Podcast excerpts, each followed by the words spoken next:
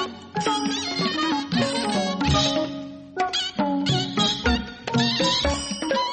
င်္ဂါနေ့က လွှတ်တော်မှာ ပြည်ထောင်စုလွှတ်တော်မှာ ဖြစ်ပျက်သွားတဲ့ အခြေအနေ။အဲဒီအခြေအနေမှာ တပ်မတော်သား လွှတ်တော်ကိုယ်စားလှယ်တွေဘက်ကလည်း NLD ဘက်က ဒီလိုတင်တာဟာ လုပ်ထုံးလုပ်နည်းနဲ့ မကိုက်ညီဘူး။လုပ်ထုံးလုပ်နည်းအတိုင်း တင်ပါလို့ ပြောတယ်။ဒါပေမဲ့လွှတ်တော်နာယက ခွင့်ပြုပြီးတော့ ဆက်ပြီးတော့တင်တယ်။မဲခွဲတဲ့အဆင့်အထိ ရောက်သွားတယ်။ဆိုတော့ ဒီနေရာမှာ ကျနော်တို့ မြန်မာလူထုပရိသတ် ရှင်းရှင်းလင်းလင်းသိအောင် ဒေါက်တာရန်တူး ရှင်းပြပေးစေချင်တာက ဘယ်သူကမှန်သလဲ။လုပ်ထုံးလုပ်နည်းတင်တဲ့အပိုင်းနဲ့ပတ်သက်ရင်။လုပ်ထုံးလုပ်နည်းတင်တဲ့ဟာထက်ဒီအခြေခံဥပဒေပြင်ဆင်ရေးဆိုတာ NLD ပါတီတခုတည်းကိစ္စမဟုတ်ဘူး။ USDP ပါတီကိစ္စလည်းမဟုတ်ဘူး။တိုင်းရင်းသားပါတီကိစ္စလည်းမဟုတ်ဘူး။တနိုင်ငံလုံးနဲ့မြန်မာနိုင်ငံသားတွေအားလုံးနဲ့ဆိုင်တဲ့ကိစ္စဖြစ်တယ်။အဲဒီတော့အဲဒီအခြေခံကနေစဉ်းစားမယ်ဆိုရင်ဒါမျိုးကသီးခြားပြင်ပြီးတော့ဘာကြောင့်ပြင်ချင်တယ်။ဘယ်ပုဒ်မကိုပြင်ချင်တယ်။ အဲဒီလိုပြင်နိုင်ဖို့အတွက်ဘယ်ကော်မရှင်ကိုဖွဲ့သင့်တယ်ဆိုတာကြိုပြီးတော့ပြောထားဖို့လိုတယ်လို့ထင်တယ်။ဒါပေမဲ့မနေ့တနေ့ကသူတို့လုပ်လိုက်တဲ့ကိစ္စမှာတော့ Hijack လုပ်သွားတာပေါ့။အခွင့်ရေးယူပြီးတော့ငါတို့တင်လို့ရတယ်။ရာခိုင်နှုန်းထောက်ခံတယ်ဆိုပြီးတော့ဗြန်းတိုင်းဆိုပြီးတော့အရေးပေါ်အဆိုနဲ့တင်လိုက်တော့တင်တာတော့မှားတယ်လို့မပြောဘူး။ဒါပေမဲ့အဲဒီလိုတော့မလုပ်သင့်ဘူးလို့ကျနော်ကယူဆတယ်။ဘာဖြစ်လို့လဲဆိုတော့ကြိုပြီးတော့ ညှိနှိုင်းပါ။ကော်မတီတွေ၊ကော်မရှင်တွေမှာအကုန်လုံးညှိနှိုင်းပါ။တပ်မတော်နဲ့လည်းညှိနှိုင်းပါ။ဘာဖြစ်လို့လဲဆိုတော့ဒီဥပဒေကတပ်မတော်ဥပဒေမဟုတ်ဘူး။ NLD ဥပဒေလည်းမဟုတ်ဘူး။အားလုံးနဲ့ဆိုင်တဲ့ဟာဖြစ်တယ်။အဲဒီတော့အားလုံးနဲ့ညှိနှိုင်းပြီးတော့လုပ်ကြရင်မှန်မယ်လို့ထင်တယ်။ NLD ကဒီလိုလုပ်လိုက်တဲ့နည်းလမ်း၊ဒီလိုလုပ်လိုက်တဲ့ပုံလေး၊ဒီပုံစံလေး၊နည်းလမ်းလေးကလက်ရှိကျနော်တို့နိုင်ငံမှာရှိနေတဲ့အခြေခံဥပဒေရေးရာအကျပ်အတည်း။ဒီအကျပ်အတည်းကိုဖြေရှင်းဖို့အတွက်ပိုပြီးတော့ဝေးသွားစေမယ်လို့ပြောရင်ကော ဒေါက်တာရန်တူးဘယ်လိုသဘောရလဲ။ဆရာမှန်တယ်လို့ထင်တယ်။ဘာဖြစ်လို့လဲဆိုတော့အခြေခံဥပဒေပြင်ရေးဆိုတာ NLD အခြေခံဥပဒေမှမဟုတ်တာ။တပ်မတော်အခြေခံဥပဒေမှမဟုတ်တာ။တိုင်းရင်းသားပါတီတွေအခြေခံဥပဒေမှမဟုတ်တာ။အားလုံးနဲ့ဆိုင်တဲ့ဟာ။အဲဒီတော့အားလုံးနဲ့ညှိညှိနှိုင်းနှိုင်းလုပ်မယ့်ဟာကိုမလုပ်ဘဲနဲ့အခုနလိုမျိုးဗြန်းတိုင်းဆိုပြီးတော့အရေးပေါ်အဆိုတို့ဘာတို့ညာတို့နဲ့လုပ်လိုက်တဲ့အခါကြတော့ပူးပေါင်းဆောင်ရွက်ရေး၊ပူးပေါင်းဆောင်ရွက်ပြီးတော့အခြေခံဥပဒေပဋိပက္ခကိုဖြေရှင်းရေး၊ပြင်ဆင်ရေးဆိုတဲ့ဟာက တော်တော်လေးဝေးလာတယ်လို့ကျနော်ကထင်တယ်။ဘာဖြစ်လို့လဲဆိုတော့တပ်မတော်မကြိုက်ရင်လဲပြင်လို့ရမှာမဟုတ်ဘူး။ NLD ကကြိုက်ပေမယ့်တိုင်းရင်းသားပါတီနဲ့ NLD မဟုတ်တဲ့ပါတီတွေမကြိုက်ရင်လဲပြင်လို့ရမှာမဟုတ်ဘူး။ကျနော်ကကလည်းခံနေတယ်။အဲဒီခံနေတဲ့ကိစ္စကိုကျနော်ကကျော်ချင်တယ်ဆိုလို့ရှိရင်အားလုံးကစည်းစည်းလုံးလုံးလုပ်ဖို့လိုတယ်လို့ကျနော်ကထင်တယ်။ဒေါက်တာရန်တူးပြောတဲ့ဟာကျနော်ကကိုယ်တိုင်တွေ့ကြုံတာပါ။တနင်္လာနေ့ညမှာသတင်းအစတခုစထွက်လာတယ်။ အဲဒီစထွက်တဲ့သတင်းကိုကျနော်တို့ကအတည်ပြုဖို့တော်တော်များများကိုအဲဒီညဘက်ကြိုးစားခဲ့တယ်။လွှတ်တော်ကိုယ်စားလှယ်တွေ၊ပါတီတာဝန်ရှိသူတွေ၊လူအများကြီးကိုဆက်ပြီးတော့ကြိုးစားတယ်။ဒါပေမဲ့ဘယ်သူကမှတရားဝင်ကျနော်တို့ကိုမှတ်တမ်းနဲ့တကွအသံဖမ်းခွင့်၊မှတ်တမ်းယူခွင့်ပေးပြီးတော့မပြောဘူး။အဲဒါကတော်တော်လေးကိုဝေဝါးဝါးဖြစ်စရာအခြေအနေရောက်သွားတယ်။ဆိုတော့ NLD ကဒီလိုလုပ်လိုက်တဲ့အပေါ်မှာဝေဖန်တဲ့ အချက်တချက်ရှိတယ်။ဒါက NLD က၂၀၂၀နီးလာလို့နိုင်ငံရေးကစားကွက်သက်သက်တခုအနေနဲ့ကစားလိုက်တာ။တကယ့်တကယ်လက်တွေ့မှာဒီဥစ္စာကထိရောက်တဲ့ဟာမဟုတ်ဘူးလို့ဝေဖန်တာရှိတယ်။ဒေါက်တာရန်တူးသဘောတူလား။ဒီဝေဖန်ချက်ကို။နိုင်ငံရေးပါတီတွေကတော့အာဏာရဖို့အရေးကြီးတယ်။သူကလဲကစားမှာပဲ။ NLD မဟုတ်တဲ့တခြားနိုင်ငံရေးပါတီတွေကလည်းကစားမှာပဲ။ဒါပေမဲ့ဒီအခြေခံဥပဒေပြင်ဆင်ရေးဆိုတာနိုင်ငံရေးကစားကွက်၊အာဏာရဖို့အနေနဲ့ အသုံးမချသင့်ဘူးလို့ကျနော်ကထင်တယ်။ဥပမာဆိုပါစို့ဒီ၂၀၀၈ဖွဲ့စည်းပုံထဲမှာလွယ်လွယ်ကူကူနဲ့အားလုံးကသဘောတူလို့ပြင်လို့ရတဲ့ကိစ္စတွေရှိတယ်။ NLD အာဏာရလာပြီးကတည်းကဒီနေ့အထိဘာတခုမှအဲဒီပုဒ်မတခုမှမပြင်ခဲ့ဘူး။အရင်တုန်းက၂၀၁၀-၁၅တုန်းကဦးသိန်းစိန်တို့အစိုးရခေတ်တုန်းကဦးရွှေမန်းတို့လွှတ်တော်ခေတ်တုန်းကပြင်ထားတဲ့အချက်လည်းအခုထိသေသေချာချာကိုအကောင်အထည်ဖော်တာမရှိဘူး။ ဥပမာတခုပြောပြမယ်။တိုင်းရင်းသားရေးရာအခွင့်အရေးဆိုင်ရာဝန်ကြီးဌာနဖွဲ့တယ်။အခုအချိန်အထိဘာမှအလုပ်မဖြစ်ဘူး။အခုနတုန်းကဒေါက်တာရန်တူးပြောသွားတဲ့အထဲမှာတခုပါတယ်။ပြီးခဲ့တဲ့သက်တမ်းကာလတုန်းကလုပ်ခဲ့တာပြင်ဖို့အချက်ကျော်-အခုအဲဒီဟာတွေအပြင်ကိုအခုစလိုက်တဲ့လုပ်ငန်းစဉ်ကနေဒေါက်တာရန်တူးအနေနဲ့ပညာရှင်တယောက်အနေနဲ့တကယ်တမ်းလက်တွေ့ကျကျပြင်လို့ရနိုင်တဲ့၊ပြင်ဖို့လိုတဲ့အ ခြေခံဥပဒေပါအချက်တချို့ဆိုရင်ဘယ်ဟာတွေကိုအဓိကပြောချင်လဲ။ကျနော်သုံးခုပြောမယ်။နံပတ်တစ်ကတိုင်းဒေသကြီးနဲ့ပြည်နယ်ဝန်ကြီးချုပ်တွေကိုသက်ဆိုင်ရာတိုင်းဒေသကြီးနဲ့ပြည်နယ်ကအမတ်တွေကခန့်တင်တယ်ဆိုတဲ့ဟာချက်ချင်းပြင်တယ်။ဘာလို့လဲဆိုတော့ NLD ကသူက1990ကနေစပြီးတော့ Federal စနစ်ကို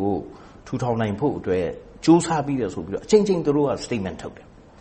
ဟိုတလောတုန်းကထိပ်သီး၃ယောက်တွေ့တဲ့အချိန်မှာတချုပ်ကပြောတယ်။ဒါကဟိုဝန်ကြီးချုပ်တွေကိုတော့သူတို့သက်ဆိုင်ရာပြည်နယ်ရဲ့လွှတ်တော်တွေကရွေးတင်နေဆိုတဲ့အပြောတယ်။အဲ့တော့တချုပ်ကပြောလိုက်ရတယ်25ကတော့ရတယ်လို့ပဲထားလိုက်ပါတော့မဟုတ်ဘူးလား။ NLD ရဲ့တစ်ဖက်ကတိုင်းရင်းသားအရေးနဲ့ Federal ကိစ္စကိုလိုချင်တဲ့ပါတီအခု majority နောက်ပြီးတော့ဒီကိစ္စကိုလည်း USDP ဖြစ်ဖြစ်တခြားတိုင်းသားပါတီတွေကစန့်ကျင်နေတာမဟုတ်ဘူးလိုချင်နေတာ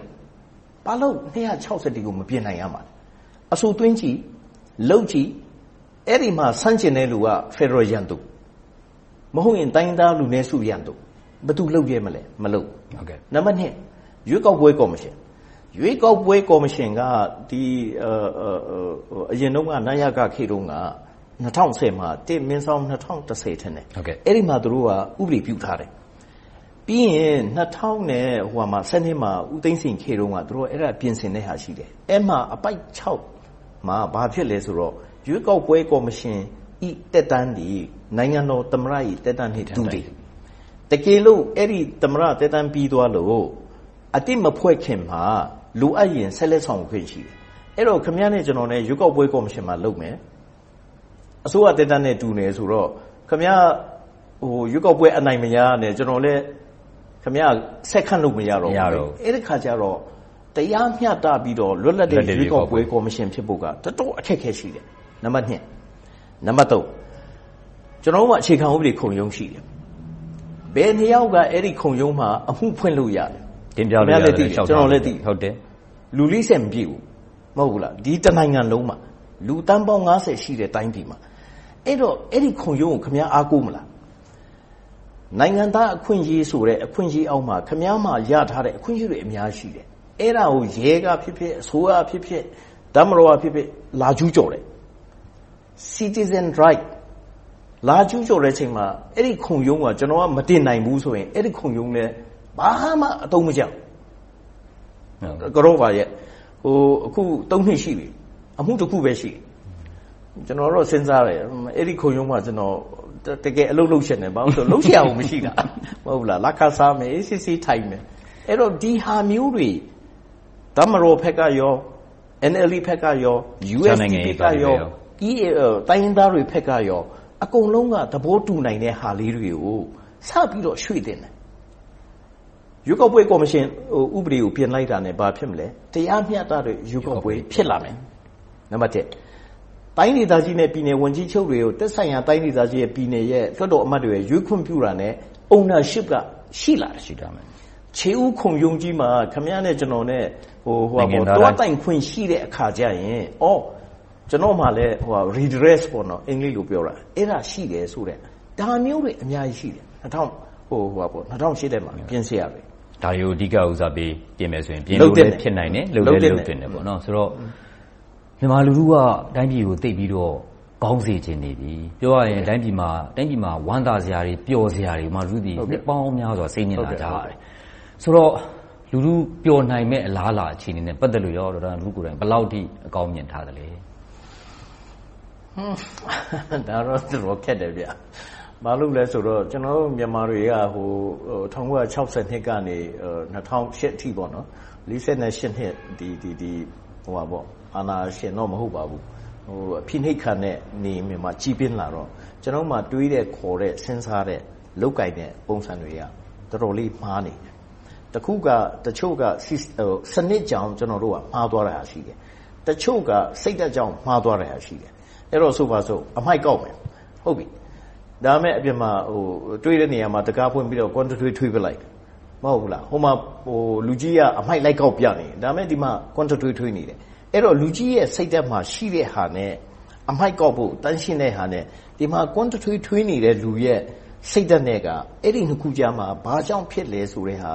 ကျွန်တော်တို့စဉ်းစားနိုင်ရင်ကျွန်တော်တို့လူချင်းတဲ့ဟာဘာဖြစ်လာမလဲဆိုတဲ့ဟာဟိုဟိုဟိုခန့်မှန်းလို့ရမယ်ထင်တယ်နောက်တစ်ချက်ကဆရာအရေးကြီးတာဥမာဆိုပါစို့ NCA လက်မှတ်ထိုးတယ်တိုင်းရင်းသားတွေကနိုင်ငံရေးဆွေးနွေးပွဲရလဒ်များကနေထွက်လာတဲ့ရလဒ်နဲ့အညီ၂၀၀၈ကိုပြင်မယ်ဆိုပြီးတော့သူတို့ကစဉ်းစားနေတယ်။ ဘာပြဿနာဖြစ်လဲဆိုတိုင်းရင်းသားတွေတင်လာတဲ့